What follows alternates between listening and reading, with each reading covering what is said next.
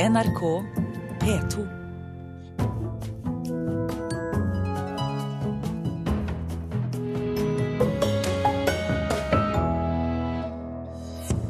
Norskspråklig rekord under årets Bylarm. Det gjenspeiler en trend i norsk musikkliv, sier bookingsjefen. Norske forlag får egen etikkplakat, men ikke noe organ til å håndheve regelverket. Og Belgia vil modernisere sitt sentralafrikanske museum i Brussel og gi et ærligere bilde av sin brutale fortid som kolonimakt.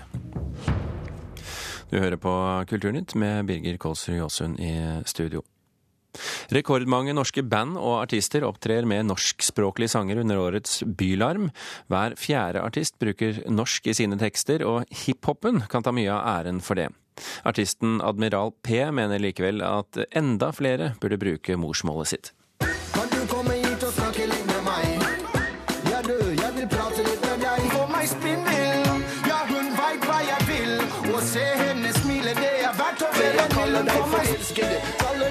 Sweet baby girl.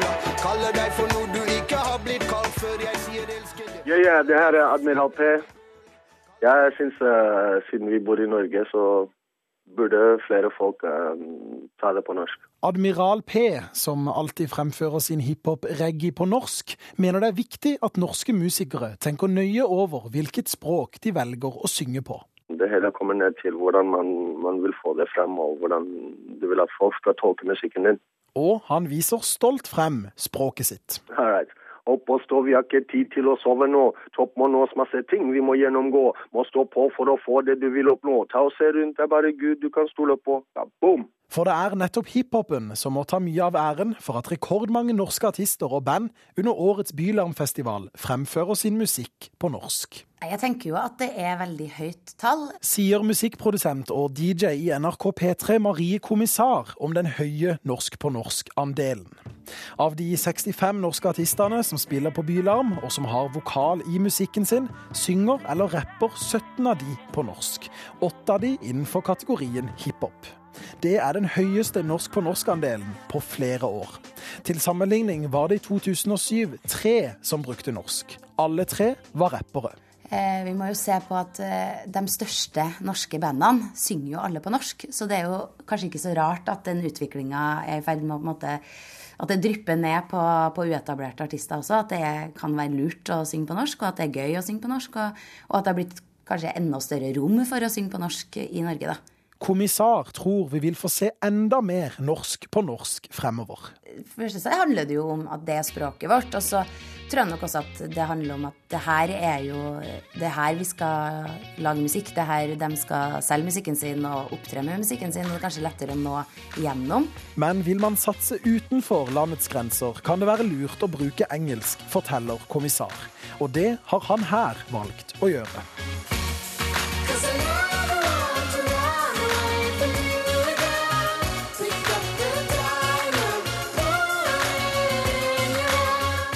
Det er fordi at jeg har ambisjoner uh, utover uh, Norge. Forteller Bylarm-aktuelle Truls Heggero via Skype. Problemet er at jeg er fra Oslo, så det vil bli Alt jeg gjør, vil høres ut som jokke uansett. Truls liker at flere synger på norsk, og ser ikke bort ifra at han gjør det samme om han ikke lykkes med den internasjonale karrieren. Ja, nei, ja, det kan godt hende at jeg gjør. Admiral P brukte engelsk tidligere, men da han endret til norsk, nådde han mye bredere ut, forteller han. Det har hjulpet meg veldig.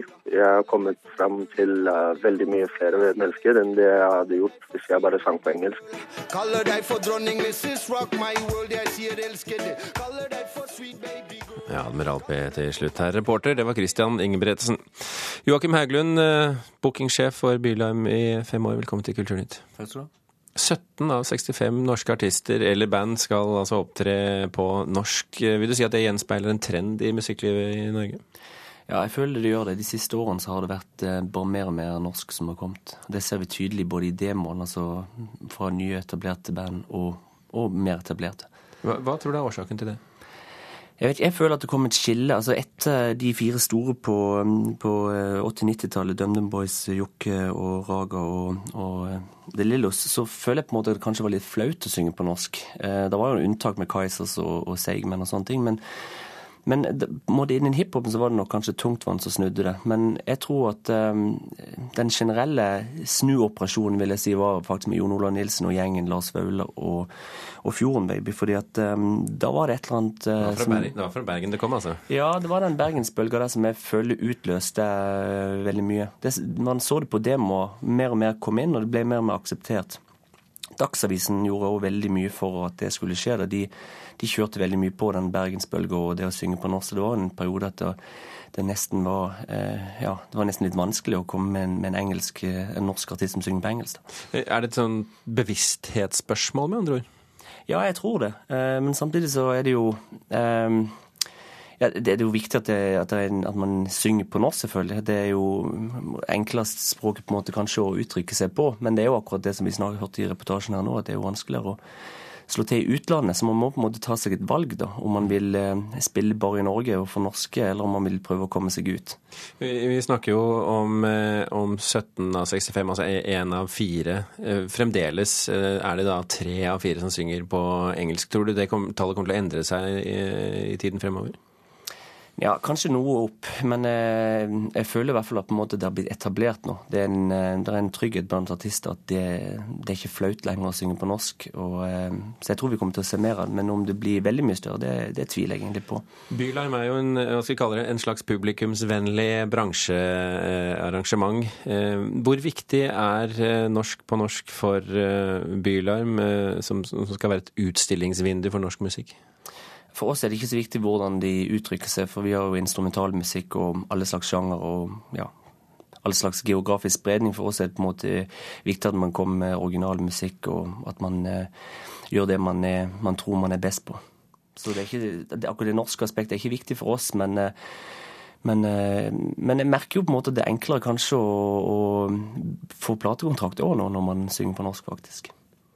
Vi får ønske alle som har lyst på platekontrakt, eh, lykke til. Joakim Haugland, bookingsjef for Bylarm, tusen hjertelig takk for at du kom til Kulturnytt. Takk.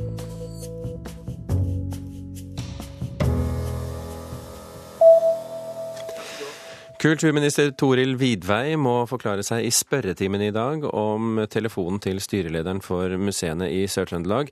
Kontroll- og konstitusjonskomiteen har også Vidvei-telefonen på sitt sakskart.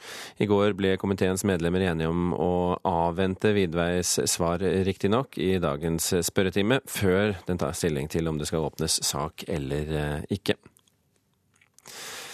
Orkla reagerer på at ordet seigmann står oppført som substantiv i bokmålsordboken.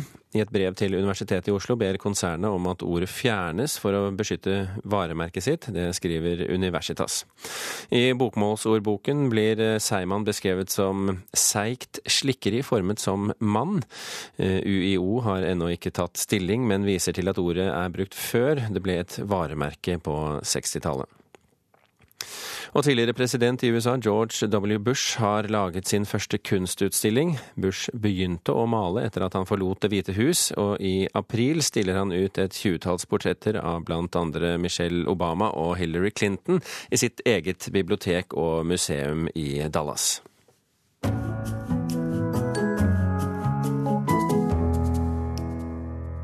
Etter mye kritikk over flere år får nå norske forleggere et eget etisk regelverk. Styret i Forleggerforeningen har i hvert fall besluttet å innarbeide etiske retningslinjer for sakprosa i sine vedtekter. Og administrerende direktør i Forleggerforeningen, Kristin Einarsson, hva innebærer dette egentlig? Ja, Det innebærer et, at vi etter en som du sier, en lang diskusjon over mange år, kanskje ti år, så, så har vel tiden føltes moden nå til at vi har eh, laget et utkast til etiske retningslinjer som vi skal sende på høring til våre medlemmer. Hva skal eh, reglene først og fremst hjelpe til med? De skal hjelpe forlagene. Jeg pleier å kalle at det finnes en ryggmargsrefleks i alt eh, forlagsarbeid eh, som handler om å, å bruke skjønn og, og, ta vare på de etiske problemstillingene. Men vi håper at dette vil være et hjelpemiddel til ytterligere å forsterke den tenkningen. Og vi har egentlig delt i tre. Vi har en del som heter Vær grundig. Så har vi en del som heter Vær varsom. Og så har vi en del som heter Vær modig. Og i den treenigheten er viktig. I hvilke situasjoner ser du for deg at disse reglene skal brukes? Vi har definert det til bruk for sakprosautgivelser. Og eh, vi har sagt at eh, når det gjelder sjangeroverskridende bøker, så får man jo vurdere det. Eh, men vi har sagt at man kan sikkert bruke elementer av det også i en skjønnlitterær vurdering, eller en vurdering av det skjønnlitterære verk, men det er ikke det det er utviklet for.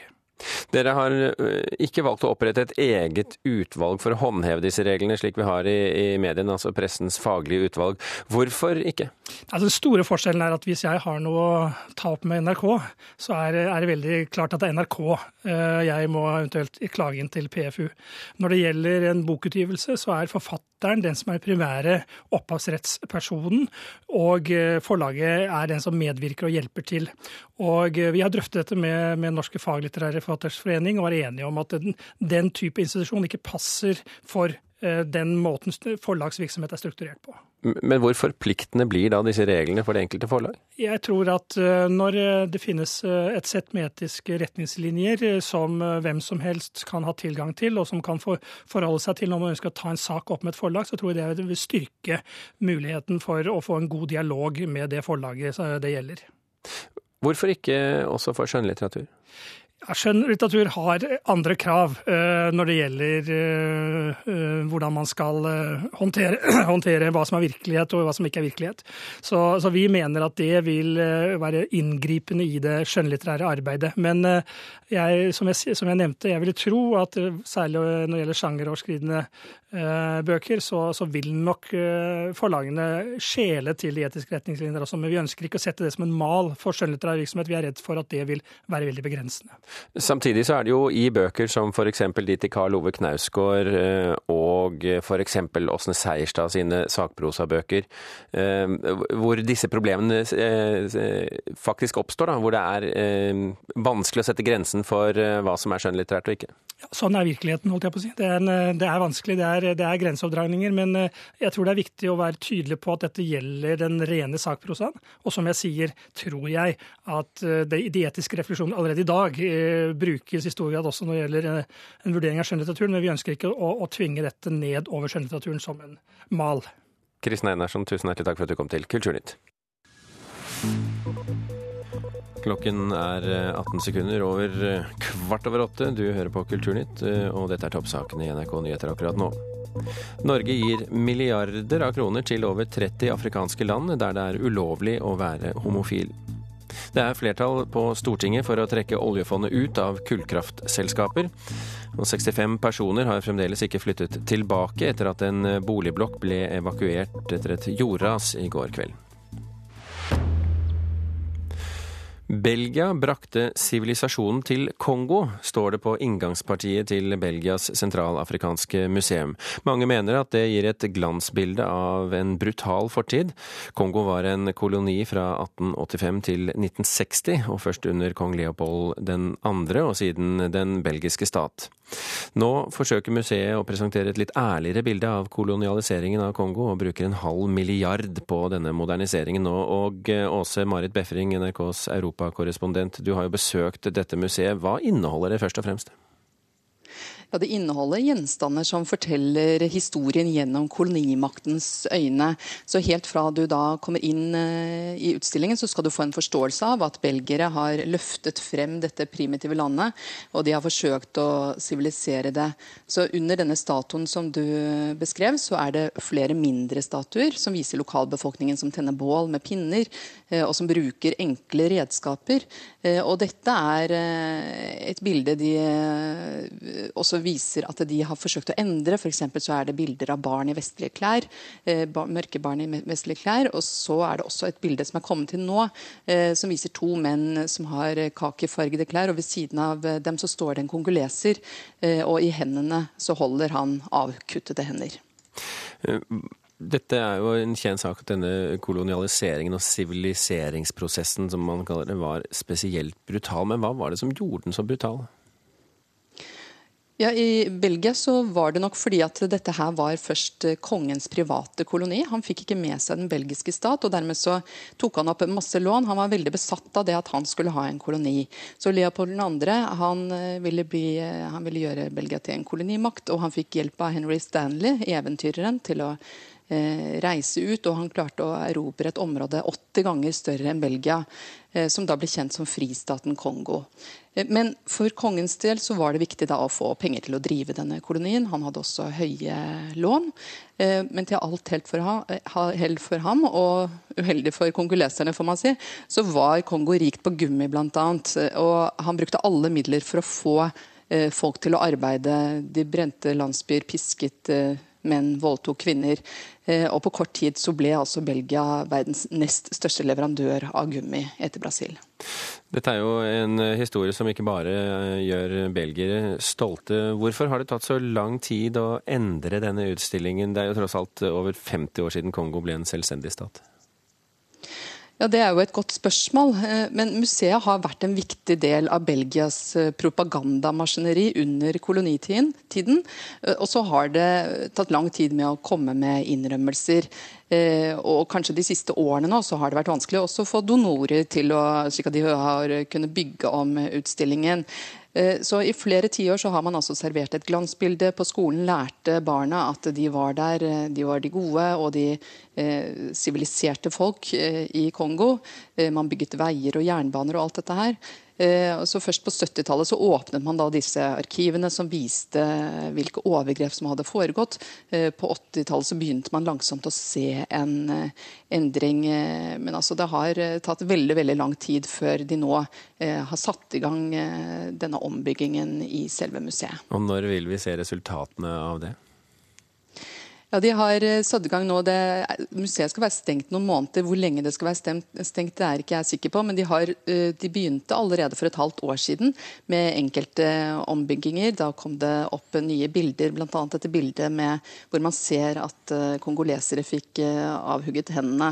Men når utstillingen skal åpne, så, så skal man altså se, se hele historien både fra kongolesisk side og fra belgisk side. Vi får spørre deg igjen når, eh, når, utstillingen er klar og du kan komme og fortelle hos oss. Åse Marit Befring, takk for at du var med i Kulturnytt i dag.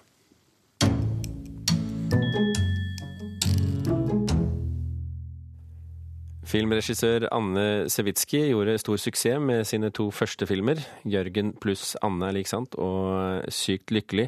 Nå er hun i gang med innspillingen til sin tredje film, 'Hjemlengsel', som tar for seg en dysfunksjonell familie og et eh, komplisert søskenforhold. Og selv om de to første filmene både fikk kritikerros og pris under Sundance filmfestival, prestasjonsangsten er fremdeles til stede. Det var takk. Takk for vi gjorde. Inne i en av Bordarakademiets gamle og nå forlatte dansesaler sitter regissør Anne Sewitsky foran en monitor. Først er noen av de andre bildene. Nei, men, nei, men det går an å bare zive dem ut, som dere holdt på. Hun er omkranset av teknikere, kameramenn, ledninger, kasser og utstyr. Det er helt stille. Vi befinner oss nemlig midt i innspillingen av Sewitskys nye film 'Hjemlengsel', som skal ha premiere i høst. Det er, eh, handler om eh, Charlotte, da, som, eh, som er hovedkarakteren. Som oppdager da, at hun har en bror som hun ikke visste om. Og de møtes da for første gang, og da på en måte fylles på et, eller annet savn. da. Og så er det et oppgjør med en fortid og med en mor og med og det å tilgi og det å kunne gå litt videre i livet, da. Det er alt Sewitsky vil si om handlingen i sin tredje spillefilm. Hennes filmdebut 'Sykt lykkelig' ble første norske film som vant pris under Sundance-festivalen i USA. Mens film nummer to, 'Anne pluss Jørgen er lik sant', ble kritikerrost av anmelderne. Og det gjør jo noe med selvtilliten i forhold til hva man går i gang med av neste prosjekter. At uh, noen ting fungerer, og at folk liker det man gjør. Uh, sånn at uh, det har jo på en måte ja, gitt, gitt en selvtillit til å gå videre. Etter film nummer to ble prisdryss byttet ut med bleieskift og mammapermisjon. Men nå er film nummer tre i gang, og Sewitsky bekrefter at prestasjonsangsten er til stede. det, det, får man jo alltid. Men, eh, men man må jo bare kjøre på. Skal vi være stille Kamerateamet har flyttet seg fra dansesalen til garderoben. Det er skuespillerprøve, og Ine Marie Willmann, som spiller hovedrollen Charlotte, skal inspisere venninnens brudekjole. Vær så god. Oh, så fin! Jo, se da. Snur, da. Eh, jeg syns Anne er eh, utrolig ujålete og intelligent og reflektert. Og så syns jeg hun tar liksom annerledes valg, som jeg syns gir ting flere lag. da. Flere, altså, ting blir mer komplekst fordi Anne tenker litt sånn andre baner. Det liker jeg. 'Hjemlengsel' er Wilmanns spillefilmdebut, og det å være hovedrolleinnehaver på settet har absolutt gitt mersmak. ja. jeg blir veldig godt passet på. Det er sånn at Jeg begynner å få sånne divavaner på hjemmefronten. Sånn åh, må handle i butikken, kan ikke noen gjøre det for meg? Men det har ikke blitt, det har ikke blitt så ille ennå. For Wilman kan få stor oppmerksomhet gjennom denne filmen. Regissør Sevitski forteller at det er en ambisjon å få filmen ut til det internasjonale publikummet også. Først og fremst må jo filmen bli bra, og bli klipt bra, og det må fungere. Og så håper man jo at det er bra nok til at den kan gå ut både her og der. Mm. Sewitsky tror en blanding av humor og alvor kan trekke mange til kinosalen. Det er et drama som berører, og, og som det er mye gjenkjennbart i. Og det tror man kanskje håp, forhåpentligvis ler og gråter litt. En litt voksnere film fra deg, eller? Ja, det er et tyngre drama, kan man vel kanskje si. Ja, det vil jeg si. Ja, det sa Anne Sewitsky til reporter Åsta Hoem Hagen.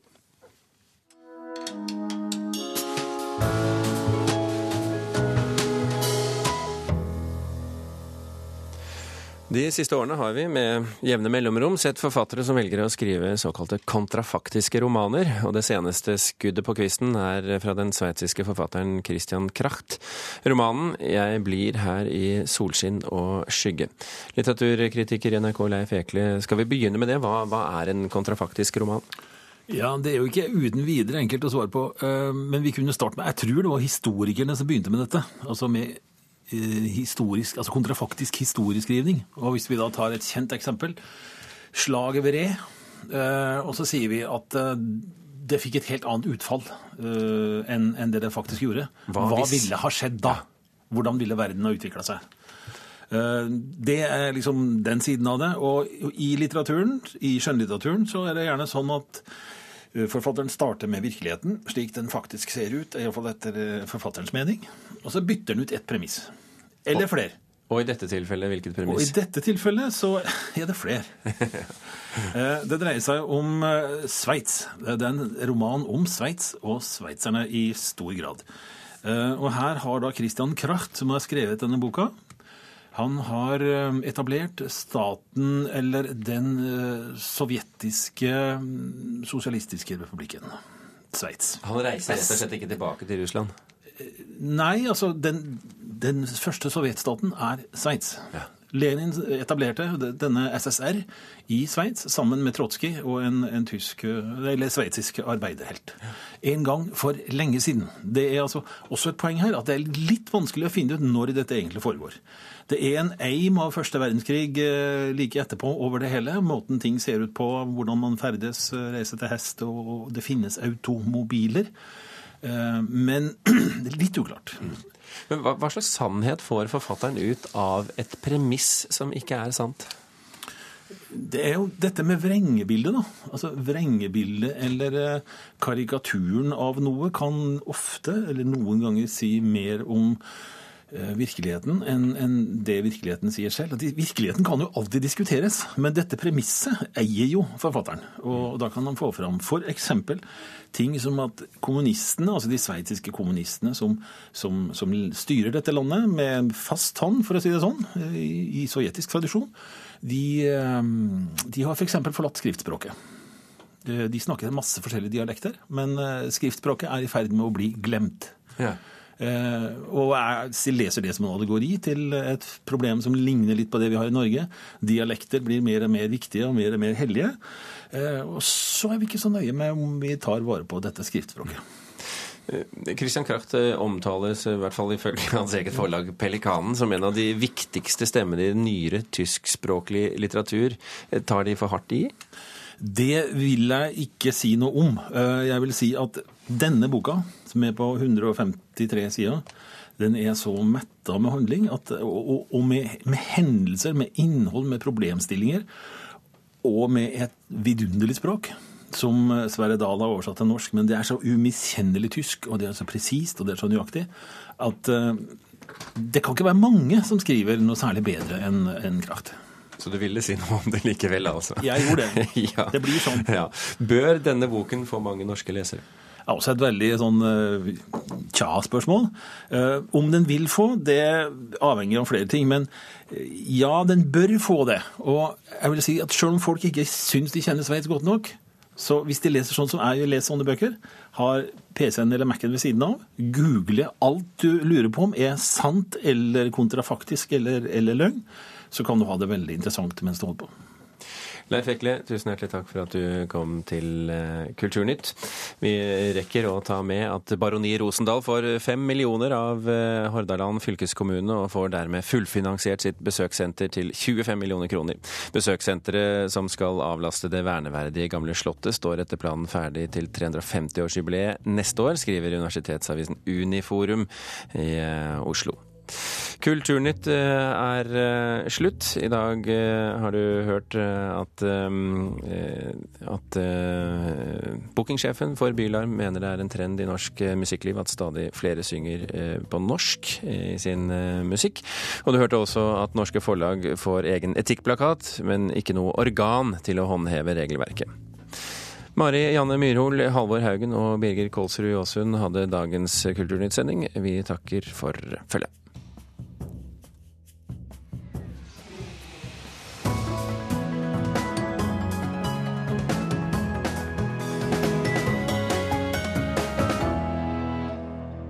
Salongen på NRK P2. Vi skal snakke om drap, dop og snøploger. Oi, det var ikke sterkt.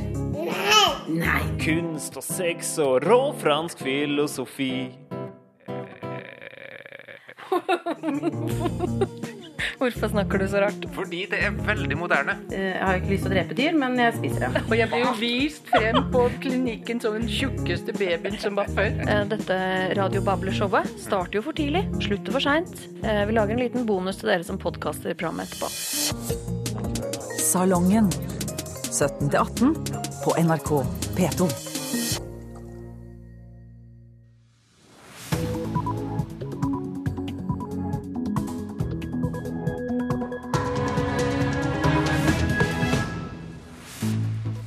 Dette er Nyhetsmorgen klokka 8.30. Norge gir over 4 milliarder kroner i bistand til afrikanske land som forbyr homoseksualitet. Men kan vi påvirke gjennom å kutte bistand? Forskere er i tvil. Den fryktede ukrainske opprørspolitistyrken Berkut er oppløst av den midlertidige regjeringen. Og USA forbereder full tilbaketrekning fra Afghanistan fordi landets president nekter å undertegne avtale om militært samarbeid. Ja, Norge gir over 4 milliarder kroner i bistand til afrikanske land som forbyr homoseksualitet.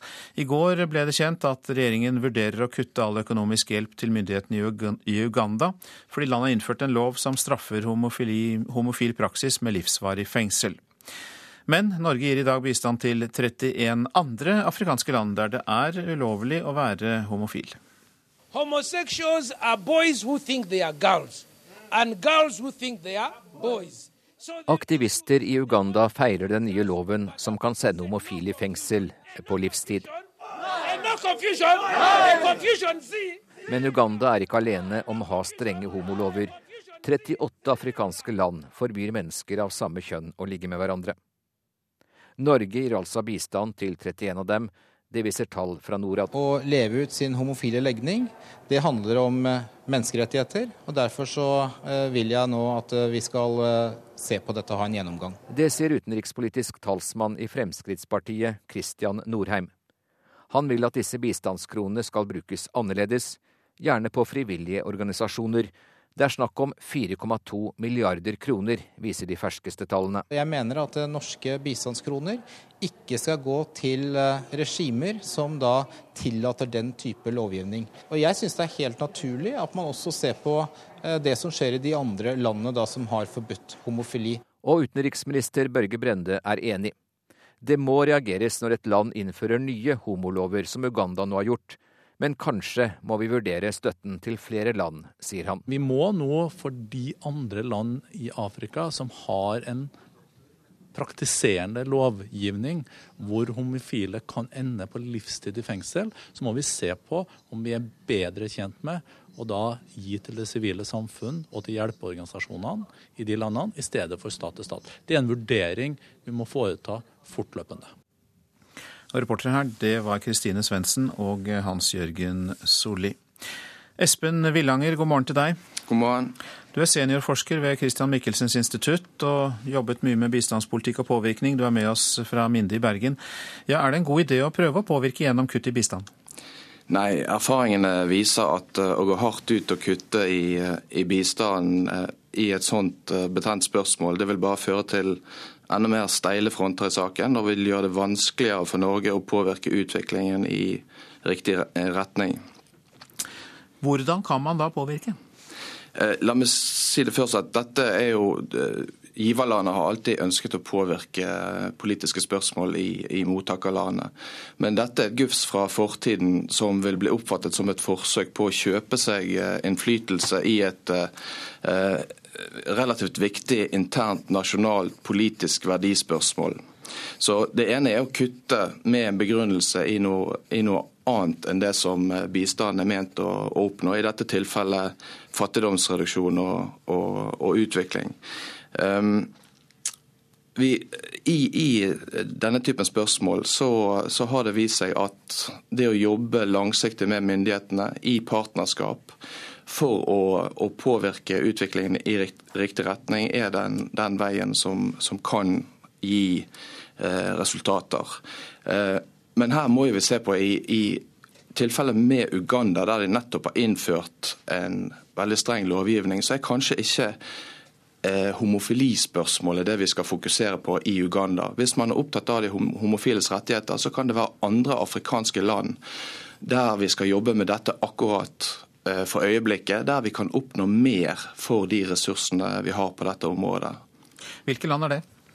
Jeg er ikke det, eh, akkurat eh, homofilisaken, og, og, det er ikke mitt, eh, mitt område. Men, men, den forskningen som er på bistand og det å oppnå uh, politiske målsettinger i, uh, i disse utviklingslandene, er veldig tydelig på at det å bruke Eh, strenge betingelser for å oppnå eh, politiske resultater er fullstendig feilslått.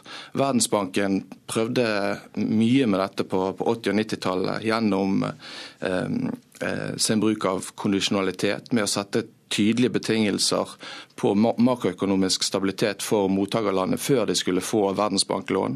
Og de måtte skrinlegge hele den, den politikken, for det viste seg at det var stort sett umulig å påvirke disse landene i en annen retning enn det som, den, eh, det som deres egen politiske eh, målsettinger eh,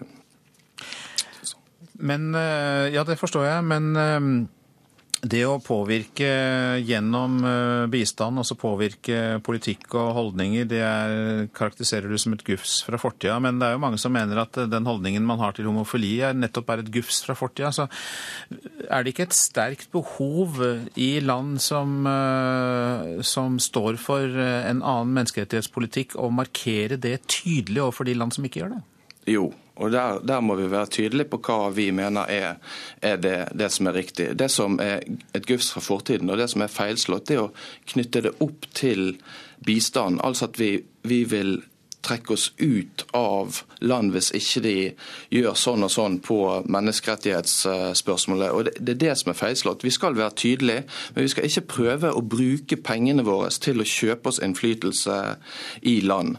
Og Hvis vi skal reallokere bistand, så må vi se på hva som er målsettingen. Hvis det er fattigdomsreduksjon, så bør vi gi mer penger til de landene der det er større muligheter å oppnå fattigdomsreduksjon. Hvis det er for å å bedre menneskerettighetene, så må vi se på i hva land er det mulig å, å, å ha innflytelse på det spørsmålet. Og så må vi allokere pengene ut ifra det. Eh, og Der, og der syns jeg at eh, det som går på eh, vi, vi, har, vi kan lære mye fra, fra likestillingspolitikken.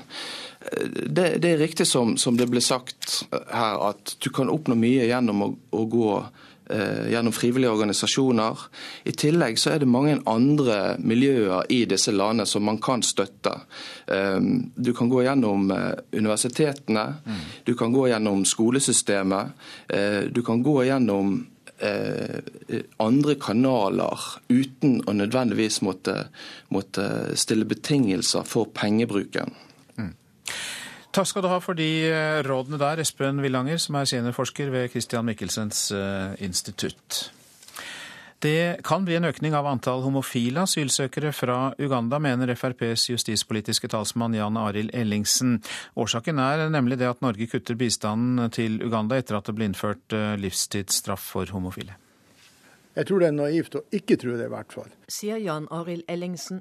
Når vi nå kutter bistand til Uganda og gir en klar beskjed om at vi ikke aksepterer det som gjøres av myndighetene der, så vil jo jeg gå ut ifra at folk fra Uganda er ikke noe mindre smarte enn andre. Og hvis de ser at det åpner seg dør i en av verdens rikeste land til å søke asyl ved å bruke en, påstand, en mulig påstand om, eh, om, seksuell legning og homofili, så vil jo de kunne komme til å utnytte den muligheten. Så å ikke ta høyde for det, det er å være naiv, og det skal man ikke være.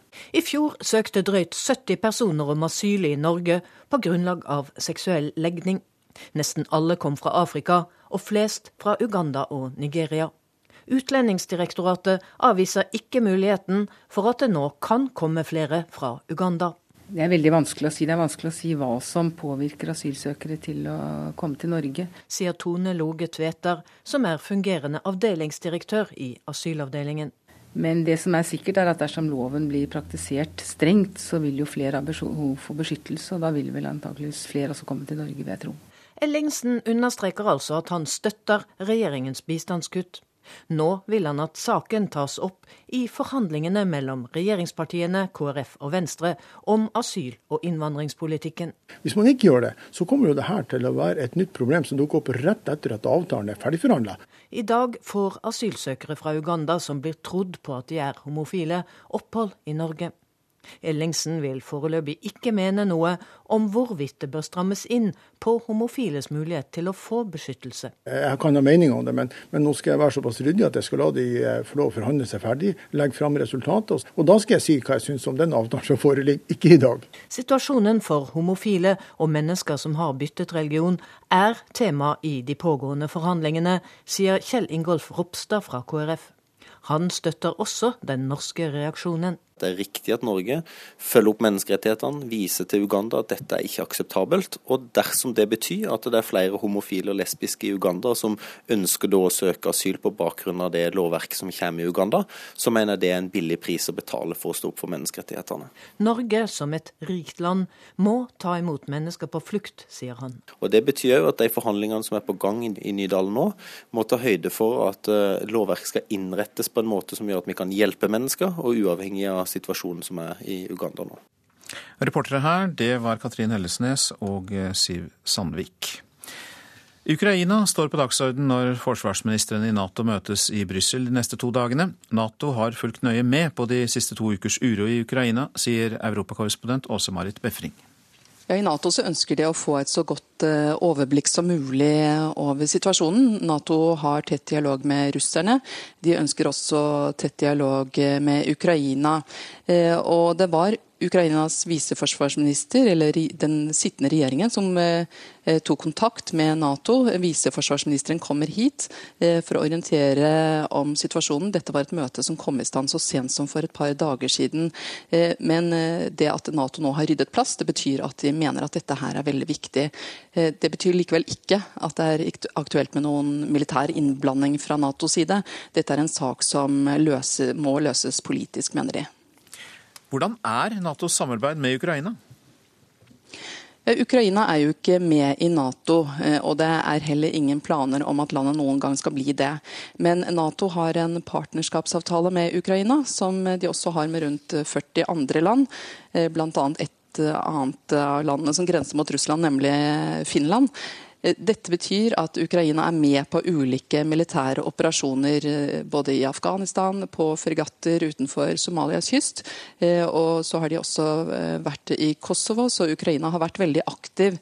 Men nå er det Ukraina selv som er tema, når viseforsvarsminister Aleksandr Olinik kommer hit til Nato. Det forteller Nato-ambassadør Vegard Ellefsen. Eh, det er klart at ut fra den dramatiske situasjonen som har vært i Ukraina, og at de har bedt om et møte med, med Nato, så går jeg ut fra at de vil redegjøre for hva myndighetene der nå vil gjøre i tiden fremover. Og høre hva, hvilke meldinger de får fra Nato-allierte om den situasjonen. Uoversiktlig, kaotisk, usikkert, dramatisk. Adjektivene er mange for å beskrive tilstanden i det østeuropeiske landet. For bare noen dager siden var ikke Ukraina et tema på Nato-møtet, men nå har forsvarsalliansen ryddet plass til han som er den øverste sjefen for forsvarsdepartementet i Ukraina per i dag. Nato vil ikke blande seg inn militært, og ønsker heller ikke et splittet Ukraina. Vi respekterer Ukrainas territorielle integritet sånn som det er nå. Og vi går ut fra at det er også opplegget videre. Også russerne har sagt at de ikke vil intervenere militært, og selv om Nato har en partnerskapsavtale med Ukraina, er det å beholde et godt forhold til Russland enda viktigere. Ja, Det er viktig nå, og det har vært viktig hele tiden å ha et tett samarbeid med Russland. Og Vi er glad for at det samarbeidet fungerer godt på det praktiske området, og vi ønsker å fortsette med det. Den fryktede ukrainske opprørsstyrken Berkut er oppløst av den midlertidige regjeringen. Styrken lå under Innenriksdepartementet, og demonstrantene har gitt den skylden for de fleste av dødsfallene under uroen i Kiev i forrige uke. I Bangkok ble det skutt mot eh, flere plasser der det har vært demonstrasjoner i byen. Politiet sier skytingen pågikk en times tid utenfor shoppingsenter og luksushoteller tre steder i byen, men ingen mennesker skal ha blitt skadd i skytingen. Det er uklart hvem som sto bak dette. USAs president Barack Obama ba i går Forsvaret om å forberede full tilbaketrekking fra Afghanistan innen utgangen av året. Grunnen er at Afghanistans president fortsatt nekter å undertegne avtalen om militært samarbeid etter 2014. President Obama skal i går ha fortalt sin afghanske kollega Hamid Karzai på telefon at han nå planlegger å trekke ut samtlige amerikanske soldater før nyttår. Men Afghanistans president fikk også beskjed om at USA ikke utelukker en avtale om militært nærvær etter 2014 dersom den nye administrasjonen i Kabul ønsker det. I april er det presidentvalg, og Karzai står ikke på gjenvalg. Den bilaterale avtalen om sikkerhetssamarbeid, forkortet BSA, var egentlig ferdigforhandlet i november. Den er godkjent av både det afghanske storrådet, Loya Jirgan, og av parlamentet. Men det er presidenten selv som har stukket kjepper i hjulene. Først med tilleggskrav, så med beskjed om at han ikke ville underskrive før valget. Det har vært spekulert mye om hvorfor, men det mest sannsynlige er at han har håpet på et gjennombrudd i hemmelige, direkte kontakter med Taliban for å få til en fredsavtale. Det virker nå ikke særlig realistisk. Amerikanske politikere har på sin side både lokket og truet uten hell. Selv om det er upopulært både i folket og blant folkevalgte å bruke penger på Afghanistan, så er det av flere grunner viktig for administrasjonen å ikke slippe kontrollen helt. For det første er Afghanistan svært viktig som base for dronene, eller de førerløse flyene som brukes mot terroristmål i nabolandet Pakistan. USA har i dag ingen dronebaser inne i Pakistan. For det andre skal det lite til før Al Qaida-lojale grupper med base i Pakistan tar kontroll over de sørlige og østlige delene av Afghanistan, og det var jo nettopp for å bekjempe Al Qaida at USA startet krigen i Afghanistan. USAs forsvarsdepartement mener det er behov for rundt 10 000 soldater der i årene framover for å løse oppgavene med å trene og bistå den afghanske hæren. Afghanistans forsvar er svakt, uten eget flyvåpen og helt avhengig av de fire milliarder dollarene som USA og andre Nato-land har lovet å bidra med hvert år fram til 2024. Uten sikkerhetsavtale blir også store deler av denne hjelpen kuttet. Gro Holm, Washington. Ja, det er Nyhetsmorgen du lytter til, og klokka den nærmer seg 8.47. Dette er uh, hovedsaker. Norge gir over 4 milliarder kroner i bistand til afrikanske land som forbyr homoseksualitet. Men å kutte i bistand for å oppnå politiske endringer har sjelden noen virkning. Ja, det sa forsker Espen Villanger her i Nyhetsmorgen. Den fryktede ukrainske opprørsstyrken Berkut er oppløst av den midlertidige regjeringen i landet kutter ut gratis kaffe. Ja, vi skal høre om et omstridt sparetiltak i Statoil litt seinere. Nå til norsk politikk. Venstre og Kristelig Folkeparti vil ikke love å stemme for at oljefondet skal trekke seg ut av kullkraftselskaper før de er blitt enige med regjeringen. Det er nå flertall for å trekke oljefondet ut av kull, bare regjeringspartiene er imot. Senterpartiets nestleder Trygve Slagsvold Vedum ba i Politisk kvarter om at Venstre og KrF stemmer med flertallet i denne saken. Og Det er en stolt tradisjon vi har i Norge, at vi, vi går i front. Vi setter klima først. Og det er det nå flertall for på Stortinget hvis Venstre, hvis KrF setter klima foran samarbeidsklima. Det at vi plutselig får noen regjeringspartier som noen dager etter de går ut av regjering, skal plutselig være de store moralske vokterne. Når Slagsvold Vedum sier at vi, vi har da holdt på med dette i mange år. Nei, det har dere ikke. Det ble temperatur i Politisk kvarter sitt studio i morges. Senterpartiet vil trekke oljefondet ut av kull, og det betyr at det er flertall på Stortinget. Men Venstre og KrF samarbeider med Høyre og Frp om å sette seg ved forhandlingsbordet før de sier ja. Og Venstre-leder Trine Skei Grande likte ikke å bli belært av Trygve Slagsvold Vedum. Dere gjorde ingenting av dette når dere satt i regjering. Dere var de svakeste på å følge de gode rådene som vi får i forhold til etikk og dra ut selskaper. Nå har vi inngått et samme samarbeid med regjeringa som sier at regjeringa skal faktisk komme med en stortingsmelding om dette her i neste år. Og nå er det vi vedtar marsjordren for hva de skal jobbe og utrede med. Nei, jeg synes det er litt, nesten helt utrolig å høre på, ikke minst uh, Trine Skei Grande har vel gått skolen at angrep er det beste forsvar. Prøver å sverte den forrige regjeringa mest mulig. Poenget nå har vi et forslag i Stortinget der vi kan trekke oljefondet ut av den mest forurensende energikilden, nemlig kull. Hvis du ønsker å sette klima først, så bør du gå til de partiene som er opptatt av klima, som nå fremmer klimainitiativ, som ønsker å trekke oss ut av kullgruveselskap, istedenfor å gå til de partiene som sier helt åpenlyst i møte med verdens kullobby at dette er bra, kull er framtida, kull er ikke fortida. Vi har fremma forslag om dette, vi. I åtte år i Stortinget. I åtte år har vi kjempa for at vi skal ha et SPU som faktisk er så framtidsretta at det ikke er avhengig av de fossile energikildene. I åtte år har vi masa om det, og regjeringa har gjort noen ting. Og så går de ut av regjering, og plutselig kommer moralen inn. Er det en sak der KrF og Venstre er mye mer enige med Senterpartiet enn Frp, så er det i klimapolitikken. Og her har dere muligheten til å gå foran, istedenfor å få til en utredning. Vi har faktisk ment her i mange år. Senterpartiet snudde i går, så jeg vil ikke bli belært av Senterpartiet på miljøpolitikken på dette området. Ja, denne duellen mellom Trine Skei Grande og Trygve Slagsvold Vedum var fra Politisk kvarter, som var ved Bjørn Myklebust. Statoil skal spare hele 8 milliarder kroner i året. Nå vurderer selskapet å kutte ut gratis kaffe ved helikopterterminalene. Det kunne Stavanger Aftenblad fortelle i går. De gratis kaffekoppene kostet i fjor selskapet mer enn 3 millioner kroner. Redaktør i ukeavisen Ledelse Magne Lerøe sier Statoil har et problem med å forklare hvorfor denne kaffen er så viktig. Det her har jo vært et forslag som, som, som nå blir latterliggjort. Jeg ser finansanalytikere driver og spøker med dette her, og tillitsvalgte kaller det for dustete. Eh, og, og, og, og, representanter for ledelsen ror litt og sier at vi har ennå ikke vedtatt det, da, men det er nå kommet opp dette forslaget. Så Folk stiller litt spørsmål hvorfor akkurat der, da, de som sitter og venter på, eh, på å komme, komme, ut i plattformen, er det bare de som skal vise kaffen, eller er det overalt? Så, så de har et lite, lite problem å forklare hvorfor akkurat dette her er blitt så sentralt.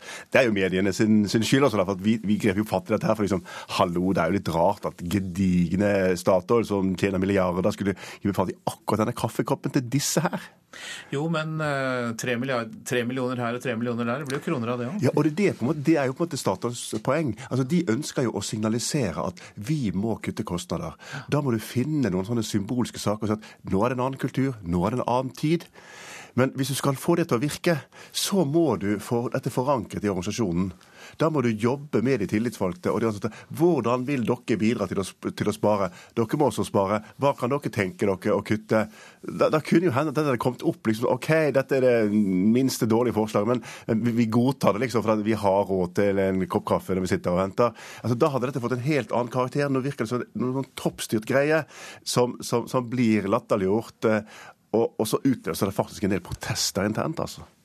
Men du som da sitter som redaktør i ukeavisen Ledelse og skuer utover det norske landskapet, hvor vanlig er det at denne kaffen er hellig på arbeidsplassen og gratis? Jeg tror det har blitt mer vanlig etter hvert. Det er mange som har gratis kaffe. Men det er ikke alle, det er ikke alle steder. Eh, men det som du kan være garantert blir misnøye med, det er at hvis du har fått etablert det, eh, at du får gratis kaffe, og hvis du da kjøper kaffemaskin og folk må holde på med å putte på 20 kroner for å få seg en kopp kaffe, da får du reaksjoner. For Da føler på en måte arbeidstaker at nå blir vi ikke liksom satt pris på på samme måten, var det ikke andre ting. Men hvis de sjøl har foreslått det, at ok, det er greit, vi kan gjøre det på den måten, så blir det, så blir det noe helt annet. Så det, det, altså En nøkkel for sånne innstramninger når du skal sånn, og, og, og drive litt sånn symbolpolitikk, som jeg tror Statoil staten ønsker her, det er at du må kjøre ned prosesser. Hvis ikke så får du det de ansatte sier. OK, greit, vi skal møte en time før, vi, den får vi ikke betalt for. Mm. Sånn? Så da kommer vi for seint, da. Det, det, det, slår, de slår revers, altså, sånn som denne saken er kommet ut. Men det kan jo hende at de greier å få dette på sporet igjen. altså. Det er mye forskjellig. Ansatte, få de på laget. Da, hvis du skal spare penger, da går det bedre. Ingen andre fylker i landet har så stor andel eh, fastleger med innvandrerbakgrunn som Hedmark. I 2012 hadde hver tredje fastlege innvandrerbakgrunn i dette fylket. Iranske Masud Sayar vil heller jobbe i Glåmdalsdistriktet enn på vestkanten i Oslo. Eh, du får mer ut for innsatsen din her, føler jeg, for bedre helsearbeidet enn der, for der er det allerede bra.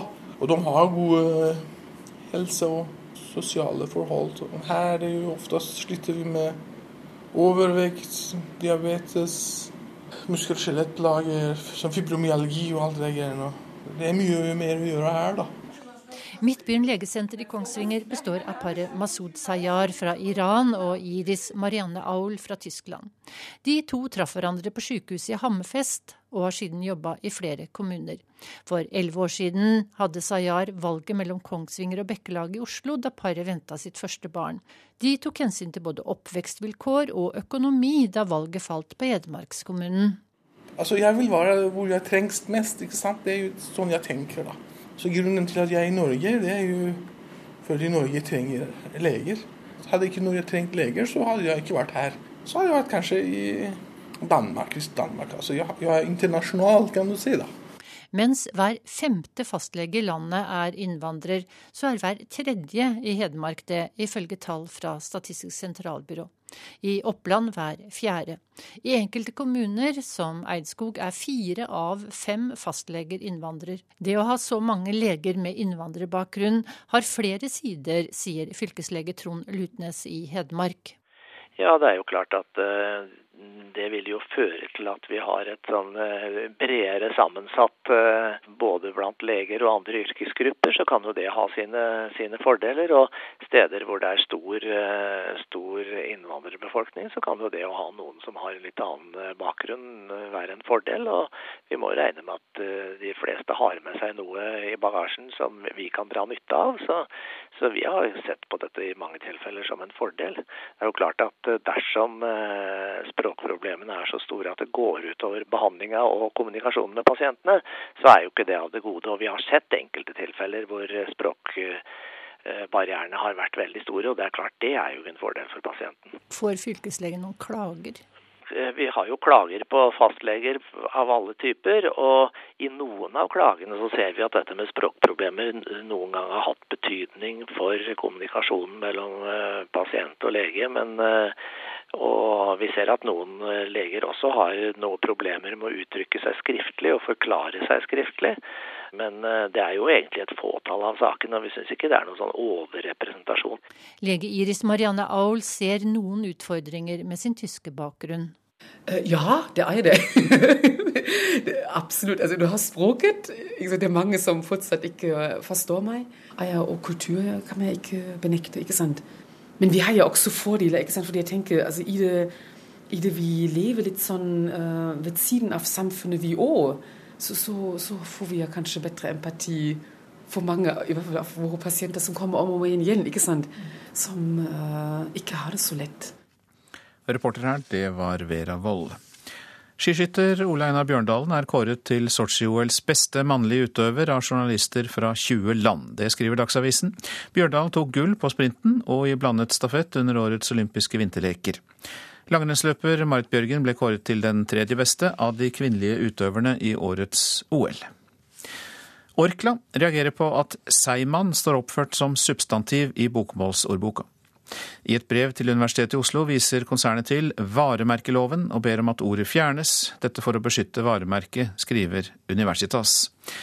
Universitetet i Oslo har ennå ikke tatt stilling til problemet, men viser til at ordet er brukt før det ble et varemerke på 1960-tallet. Vi får suge litt på den mens vi lytter til hvordan været blir fram til midnatt. Fjellet i Sør-Norge, liten kuling utsatte steder. I nord stiv kuling, perioder med snø, stort sett oppholdsvær i nord. Østlandet regn, snø i indre og høyereliggende områder, lettere vær i kveld. Telemark og Agder regn, snø i høyereliggende strøk, avtagende nedbør fra i ettermiddag. Vestlandet sør for Stad, sørøst liten kuling utsatte steder, stiv kuling på kysten nord for Obrestad. Regnbyger, snøbyger i høyereliggende strøk. Møre og Romsdal utrygt for enkelte regnbyger på kysten, ellers oppholdsvær og til dels pent vær. Trøndelag sørøst liten kuling på kysten og utsatte steder, minkende til kvelden. I grensetrakten utrygt for enkelte regnbyger, snøbyger i høyereliggende strøk i Trøndelag, ellers eh, stort sett pent vær. Nordland sørøstlig periodevis stiv kuling utsatte steder, stort sett opphold og perioder med sol. Troms får stiv kuling øst for Lyngsalpan, oppholdsvær og perioder med sol. Finnmark vestlig liten kuling utsatte steder, i kveld sørøstlig stiv kuling utsatte steder i Vest-Finnmark. Og det blir oppholdsvær. Så går vi til Nordensjøland på Spitsbergen. Fra i ettermiddag perioder med liten kuling, litt snø, vesentlig da i vest. Og vi går til temperaturene. Disse ble målt klokka sju. Svalbard lufthavn minus to, Kirkenes minus én. Vardø pluss to, Alta og Tromsø-Langnes null grader. Bodø og Brønnøysund seks. Trondheim-Værnes sju. Molde og Bergen-Flesland åtte grader. Stavanger sju. Kristiansand-Kjevik fire. Gardermoen og Lillehammer én grad. Røros null grader. Oslo-Blindern én grad. Og dette var altså temperaturene som ble målt klokka sju. Ansvarlig for eh, radionyhetene på morgenen, det var Gro Arneberg. Prosent for Nyhetsmorgen, Vidar Eidhammer. Teknisk ansvarlig Marianne Myrhol. Og eh, programleder Øystein Heggen.